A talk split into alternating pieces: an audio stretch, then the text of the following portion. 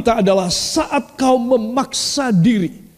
Saudara, saat kita memaksa diri dan kita merasa letih, namanya juga memaksa diri. Tidak pada kemampuan saya, tidak pada kapasitas saudara, energi kita tidak mampu, tapi kita maksa. Kita ngoyo, kita ngotot sekali. Kita mau ngepia, kita memaksakan diri kita. Saudara, dan kita letih. Semua orang yang memaksakan diri pasti letih. Soal keuangan, soal berdagang, soal belajar studi. Saudara, soal apa aja. Kalau kita memaksakan diri, saudara, maka kita tidak akan bisa bertahan lama. Kita akan cepat letih dan kita layu kita. Saudara, belum meninggalkan dunia, kita sudah melayu sama sekali. Karena apa? Kita memaksakan diri. Kata memaksakan diri berarti kita ini terpaksa banget. Saya cuma punya uang 500 ribu. Tapi saya memaksakan diri, saya harus dapat barang 5 juta. Saudara, saya memaksakan diri saya. Iblis bisa membisikin saya hal-hal kriminal dan dosa. Pasti karena saya memaksakan diri. Coba kalau saya dengan uang 500 ribu, saya mengangkat tangan dan saya bersyukur kepada Tuhan. Tuhan hamba kepengen sih, siapa manusia tidak punya keinginan. Hamba punya keinginan Tuhan. Tetapi karena hamba hanya punya uang segini, hamba pasrahkan kepadamu, kehendakmu jadilah. Senang apa tidak? Senang. Saya tidak memaksakan diri. Saya menerima. Dan Tuhan melihat anakku, kamu orang yang tidak memaksakan diri. Aku suka. Orang kaya begini aku suka. Itu sebab Tuhan memberi kepada kita anugerah yang luar biasa. Coba kalau kita memaksakan diri. Saudara, kita forcing ourselves, saudara. Kita force ourselves, our strain out. Supaya apa? Supaya kita ini bisa berhasil. Bisa wow, bisa luar biasa. Bisa memenuhi keinginan kita dan hawa nafsu kita. Bisa memenuhi cita-cita kita. Saudara, iman kekristenan tidak demikian. Katakan iman kekristenan tidak demikian. Saudara, apa iman kita? Berserah kepada Tuhan. Tetapi kita tetap mengusahakan diri kita. Supaya kita boleh menerima anugerah lebih besar dan lebih cepat. Katakan lebih besar dan lebih cepat. Saya harus mengusahakan diri saya. Berarti saya harus mengambil hati Tuhan. Yang setuju beri tepuk tangan bagi dia. Haleluya. Itu sebab dalam Efesus pasal yang ketiga ayat 16. Saya ingin mengajak semua saudara untuk mempersembahkan hidup kita dalam tangannya. Saudara, ayat ini ayat yang luar biasa. Saat kau letih. When you are weary. Ketika saya dan saudara merasa beban berat. Karena itu tadi sebelum-sebelumnya kita paksakan diri kita. Harus. ya Kita bilang sama anak kita, kamu harus demikian. Saudara, ini orang tua yang tidak berserah kepada Tuhan. Saudara, orang tua itu mendorong. Tetapi tidak menjelungupkan anaknya. Tidak menjerumuskan anaknya. Siapa orang tua yang ingin anaknya itu hebat dan luar biasa. Engkau harus hati-hati. Jangan menjerumuskan anakmu sendiri. Saya menangani tidak sedikit anak-anak kecil, anak-anak remaja yang mengalami pemaksaan dari orang tua saudara. Supaya berhasil menjadi bintang kelas, menjadi bintang sekolah, menjadi bintang di seluruh Indonesia. Saudara, dan apa yang terjadi pada anak ini? Anak ini menjadi setengah gila.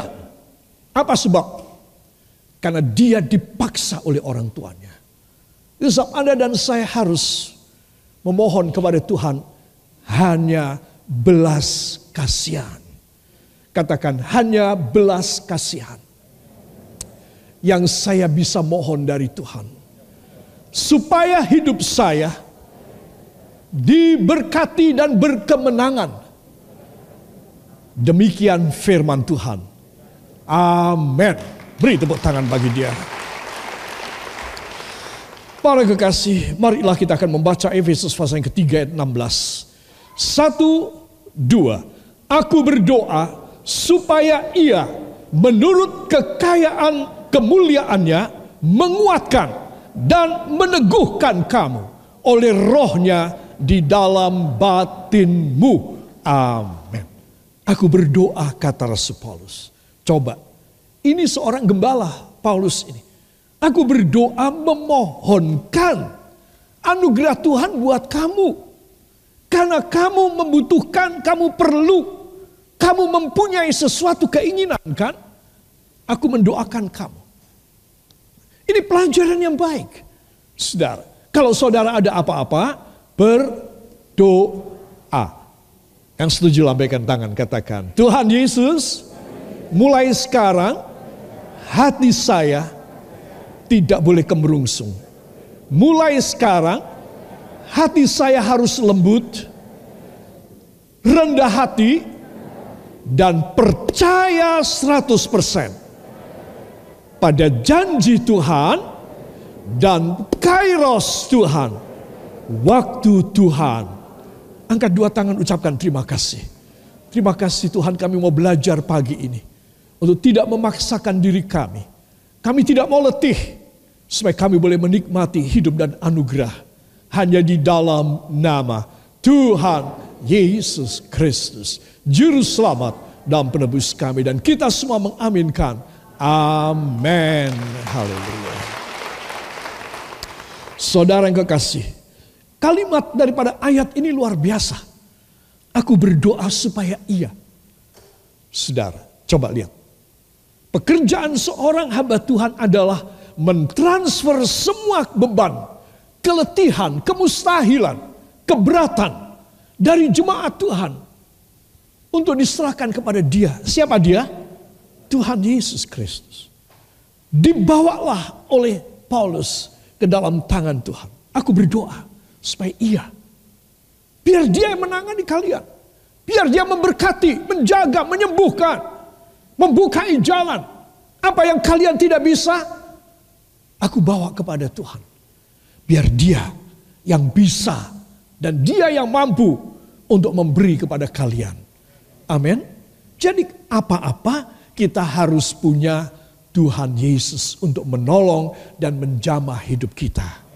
Saudara engkau satu, engkau tidak khawatir karena engkau terlalu percaya kepada Engkau letakkan bebanmu kepada dia. Karena dia adalah alamat yang tepat untuk menyelesaikan masalah, untuk membuat mujizat di dalam hidup saudara. Yang percaya katakan luar biasa Beri tepuk tangan bagi dia. Haleluya. Dan kalau dia menolong, katakan, dan kalau Yesus menolong saya, itu menurut kekayaannya dan kemuliaannya. Wow apa tidak, saudara? Luar biasa. Kalau saudara, katakanlah saudara memberi hadiah kepada seseorang saudara. Karena ulang tahun anak saudara atau keponakan saudara. Tergantung kemampuan saudara kan. Saudara tidak memaksakan. Wah aku mau cari kredit di bank. Aku mau memberikan dia mobil. Saudara saya yakin saudara tidak begitu abnormal. Saudara normal aja. Enggak aku memang orangnya enggak punya kok. Aku punyanya cuma sedikit. Keponakanku ulang tahun ya tak kasih apalah tas lah, apa sepatu atau baju atau Ya banyak orang pada zaman sekarang bilang, aku mentahane wae. Ya, yang ketawa berarti setuju. Para kekasih. Nah, harapannya dia ingin supaya dia mendapat, dia tidak mengharap, wah nanti kalau nanti om saya atau tante saya kalau pas saya ulang tahun dia akan memberi kepada saya sebuah rumah atau sebuah mobil yang mewah. Tidak. Tetapi kita yang memaksakan diri. Sedar, ada apa dengan kita? Sudah. Itu sebab Anda dan saya harus tahu. Dialah yang menurut kekayaannya. Akan menolong kepada kita. Kenapa? Karena kita membawa, kita punya beban dan kemustahilan. Datang kepada Tuhan Yesus. Maka kalau dia menolong, katakan bila Tuhan menjawab, bila Tuhan mengulurkan tangan, Wow banget. Karena itu adalah sesuai dengan kekayaan dan kemuliaannya dalam nama Yesus. Amin. Wow. Ini tipe orang tidak memaksa. Tidak memaksakan diri. Ini tipe orang yang tidak bakal letih. Tidak akan capek. Dia berlari dan dia kuat. Dia berjalan dan tidak letih kata Alkitab. Dia bahkan akan terbang dengan sayap Raja Wali. Apa sebab? Karena dia orang yang tidak suka memaksa. Dia orang yang penuh dengan kedekatan kepada Tuhan. Dan orang yang penuh dengan pemasrahan kepada Tuhan. Itu sebab Tuhan menghargai orang ini. Dengan memberikan sepasang sayap Raja Wali. Apakah itu? Kuasa Roh Kudus. Amin. Jadi di sini rahasianya. Belum saya masuk pada firman lebih jauh, saudara sudah bisa menangkap. Gimana ya aku bisa dapat? Yang luar biasa. Saudara, saya membagi dua, sebagian ayat ada di atas dan sebagian di bawah. Apa tulis yang di bawah? Menguatkan dan meneguhkan kamu oleh rohnya di dalam batinmu supaya batinmu tidak kemerungsung. Kalau dikuatkan dalam tubuhmu, kamu sehat, kamu belum tentu datang sama aku. Kamu belum tentu setia dan membalas cintaku. Tapi kalau aku memberikan dalam batinmu, sehingga sanubarimu, jiwa dan rohmu, aku beri, maka jiwa dan rohmu selalu akan terhubung dengan aku. Jiwa dan rohmu selalu ada dalam keadaan yang safe and sound, dalam keadaan yang tentram. Saudara, itu sebab aku berdoa supaya ia ya, aku transfer kepada dia. Siapa namanya? Tuhan Yesus Kristus. Saudara, transfer sama dia. Maka dia yang akan menjawab menurut satu kekayaan, dua kemuliaannya. Itu kan wow banget, sudah. Dan dia berjanji akan menguatkan dan meneguhkan kamu oleh rohnya di dalam batinmu. He just want to strengthen and reinforce you inside your spiritual man, inside your soul. He is working. You just ask him for amount of money, a sum of money in, for your expenses or for your needs. But he just give to you not only the money, but he also give to you the Holy Spirit, the spirit of rejoice in your heart, in your soul, in your mind, so that you will do something great afterward. Itu sebab Anda dan saya harus tahu. Kalau Paulus mendoakan, dia menyerahkan semua. Ada orang datang kepada dia, minta tolong, ada masalah, ada problema, ada kemustahilan. Sini, tak tangani. Tidak, ini bukan hamba Tuhan. Saudara, ini menuhankan dirinya. Seorang hamba Tuhan, mari aku doakan. Ya, saya tidak pernah menjanjikan apa pun kepada saudara. Karena saya tahu saya tidak mampu. Ya, saudara bisa kecewa banget sama saya. Tapi saya akan mengatakan, mari saya akan mendoakan. Saya mentransfer beban saudara kepada maka dia siapa namanya Tuhan Yesus Kristus akan turun tangan kepada saudara dan melakukan luar biasa menurut kekayaan dan kemuliaannya. Beri tepuk tangan bagi dia. Haleluya. Sebab saya ingin mengajak semua saudara perhatikan. Dan bukan itu saja menguatkan dan meneguhkan kamu oleh rohnya di dalam batinmu. Wow. Jadi pemberian jawaban Tuhan selalu juga dengan pikiran Tuhan berkenaan. God is considering which is the best and the safest things and condition for you. When he will give to you later on. Dia memberikan kepada yang paling safe dan paling bisa dipegang, yaitu batinmu. Orang jahat aja, kriminal, hebat, bengis dan kejam, tidak bermoral, hancur-hancuran. Masih punya batin loh saudara. Masih punya batin. Batinnya masih berbicara. Kamu tidak boleh begini. Pikirannya bilang, ah ini setiap hari aku bikin. Aku memang hidupnya dari kriminal. Aku memang orang yang rusak. Batinnya tidak bisa. Batinnya akan kamu salah. Kapan kamu mau bertobat? Ini yang diinginkan oleh Tuhan supaya batin kita ada selalu hubungan dengan Kristus, dengan Roh Kudus. Amin. Lihat, tidak ada masalah yang bisa membuat saudara terjungkal, membuat saudara menjadi terpuruk, membuat saudara menjadi ngelokro tidak bisa. Karena batin saudara, roh saudara diberi roh kudus. Ayo angkat tangan kanan saudara. Taruh tangan kiri pada jantung saudara. Ya Bapa yang baik, hamba mohon saat ini berikan roh kudusmu di dalam batin hamba. Bila engkau menjawab hal-hal lahiriah dan jasmaniah dari permohonan hamba, Tolong beri juga roh kudusmu pada batin hamba dalam nama Yesus. Ucapkan terima kasih semua. Terima kasih Bapa. Terima kasih Yesus. Terima kasih Roh Kudus. Dan kita yang percaya mengaminkan. Amin. Haleluya. Para kekasih itu sebab saya ingin mengajak semua saudara memperhatikan. Hanya Yesus yang bisa menguatkan kau. Saya dan saudara tidak punya yang lain. Kita cuma punya satu saja. Itu adalah Tuhan Yesus Kristus.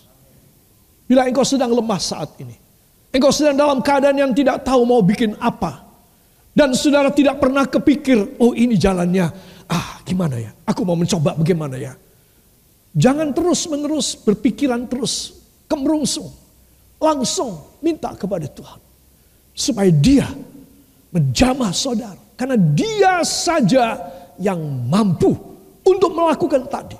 Memberi secara lahiriah, secara finansial, secara kesembuhan, jasmani, memberi keuangan, dan bagian kedua, memberi roh kudus di dalam batin kita.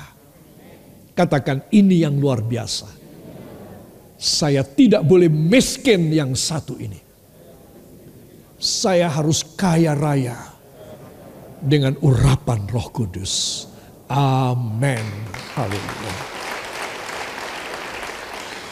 Para kekasih itu sebab marilah kita akan masuk dalam firman ini.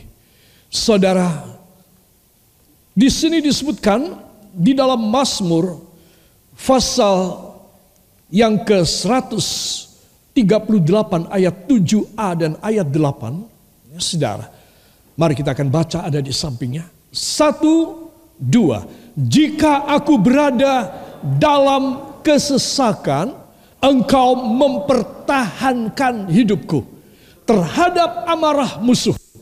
Tuhan, akan menyelesaikannya bagiku. Tuhan kasih setiamu untuk selama-lamanya. Janganlah kau tinggalkan perbuatan tanganmu. Amin. Beri kemuliaan yang baik bagi dia. Tuhan, janganlah tinggalkan perbuatan tanganmu. Hamba adalah pekerjaanmu. Hamba adalah karyamu. Hamba adalah perbuatan tanganmu. Jangan tinggalkan hamba. Sedar. Ini doa dari pemazmur yang rendah hati sekali. Jika aku berada dalam kesesakan. Sedar. Kenapa sesak? Memaksakan diri. Kenapa sesak? Letih. Jatuh tersungkur. Gak kuat lagi. Saudara yang kekasih. Begitu banyak contoh di sekitar kita kita merasa, ah, aku jangan sampai terjadi demikian deh sama aku. Enggak, dijauhkan Tuhan dalam nama Yesus. Kenapa saudara menggumam dan berdoa macam begini? Karena saudara tidak kepingin terjadi dalam hidup saudara. Saudara. Nah itu sebab semua orang yang dalam kesesakan, dia harus datang kepada Tuhan Yesus. Istimewa pada saat ini. Beberapa kali saya katakan sejak dua minggu ini tersebar hampir ke 100 negara. Kalau yang sudah tersebar itu 200 negara, saudara, COVID-19 ini. Tetapi yang strain baru, mutasi genetika yang baru dari COVID-19, saudara, itu sudah 100 negara. Coba, tiba-tiba begitu dua minggu yang lalu ditemukan, begitu dalam dua minggu itu sudah 100 negara kena. Bayangin. Jangan bilang Indonesia tidak kena. Siapa bilang? Itu sebab Anda dan saya harus tahu bahwa sesungguhnya kalau Tuhan tuh mau membuat orang itu sampai nyadar supaya kita ini tahu. Sudah. Kalau kita tidak nyadar, ya dibikin yang lebih canggih sama Tuhan. Oke?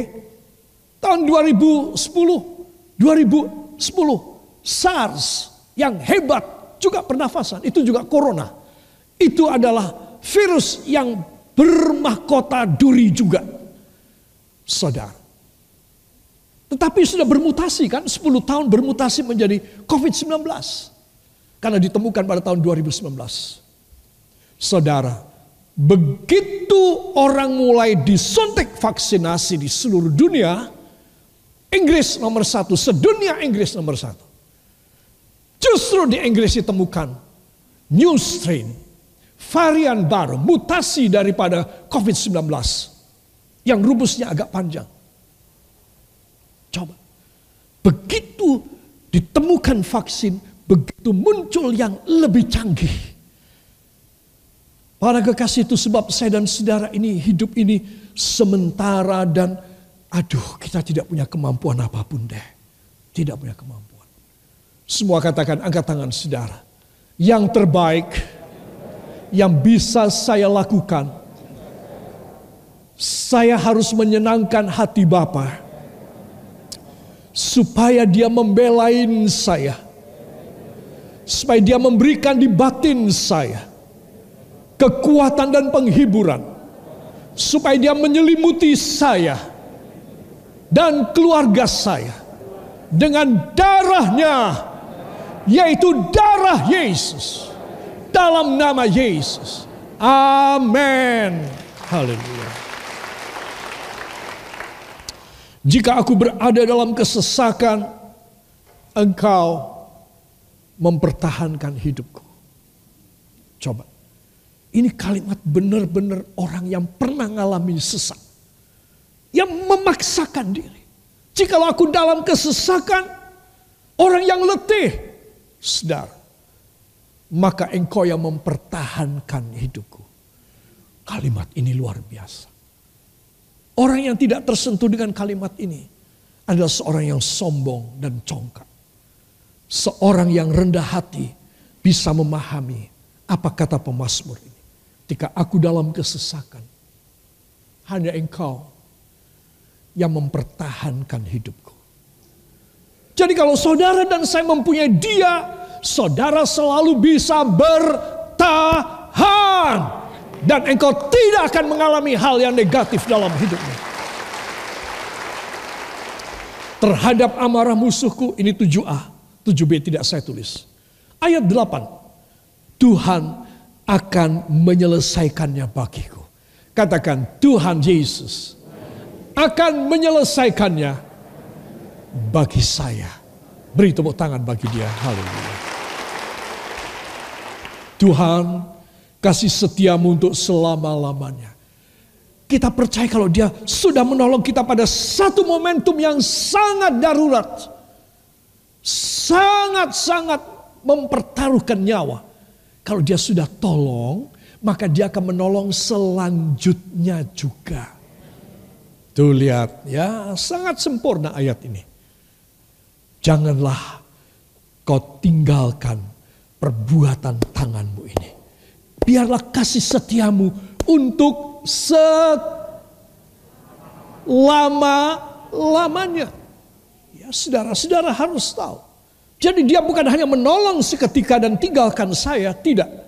Tapi Dia menolong saya seketika dan dia tetap selama-lamanya bersama saya. Katakan bila Tuhan menolong saya dan hati saya dipenuhi dengan roh kudusnya, maka selesai dia menolong untuk selama-lamanya, dia akan beserta saya. Amin. Haleluya. Saudara, itu sebab anak-anak Tuhan perhatikan. Bagi dia adalah saudara, adalah biji matanya. Ah, saya belum menjelaskan gambar ini. Coba tengok. Saudara, ayo semua menunjukkan jari saudara. Itu saya. Itu saya, itu saudara. Dia adalah biji mata Tuhan. Saudara tahu biji mata Tuhan? Biji mata apple of eye, bola mata ini, saudara, ada pada tempurung tulang yang kuat lu saudara. Ya, sama seperti saudara dalam tangan Tuhan, digenggam pada tangan Tuhan. Coba saudara bisa bayangkan. Jadi dia sangat menjaga kita dalam kesesakan. Engkau mempertahankan hidupku. Di tengah gelombang lautan, mungkin binatang-binatang laut yang mengerikan. Tangan Tuhan menjaga sebagai biji matanya. Luar biasa. Itu sebab menjadi anak Tuhan menyenangkan. Jauh dari Tuhan sangat mengerikan. Engkau sendirian, engkau harus menjadi mangsa. Karena ada banyak predator yang akan memangsa siapa pun yang jauh dari Tuhan. Zaman model kayak begini masih gagah-gagahan di luar. Heran saya, heran. Zaman kayak begini harus membuat orang itu tersungkur di kaki Tuhan. Supaya apa? Supaya Tuhan menyelamatkan. Supaya Tuhan apa? Memberikan belas kasihnya kepada kita. Saudara, kalau ini keadaan yang sulit ini masih tidak mempan, kita tidak tahu Tuhan merencanakan apa lagi. Ya, itu sebab anak-anak Tuhan perhatikan. Angkat tangan saudara. Terima kasih Tuhan Yesus. Karena untuk selama-lamanya engkau akan menjaga dan memelihara hidup hambamu ini. Hamba adalah biji mata Tuhan. Dalam nama Yesus. Amin. Haleluya. Tadi dari awal saya katakan di dalam batin saudara. Apa harta yang melimpah? Tadi Efesus 3:16. Roh kudus dan urapannya di dalam batin kita. Jadi apa dong harta yang berlimpah-limpah? Roh Kudus. Sebab Anda dan saya harus tahu, kalau saudara punya urapan roh kudus, saudara engkau tidak akan pernah bisa dipepet, dibikin terpaksa, dibikin engkau deadlock. Gak ada jalan, gak akan. Orang malu hati, lain kali tidak balik lagi sama saudara untuk bikin macam-macam. Apa sebab? Katakan, karena di dalam saya ada harta yang melimpah-limpah.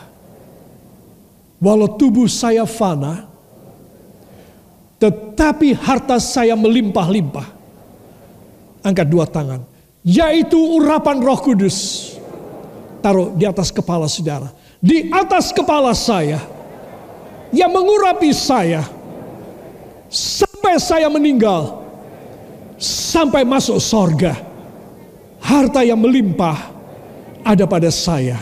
Saya tidak akan mengalami keterpaksaan, keletihan, kegagalan dalam nama Yesus. Amin.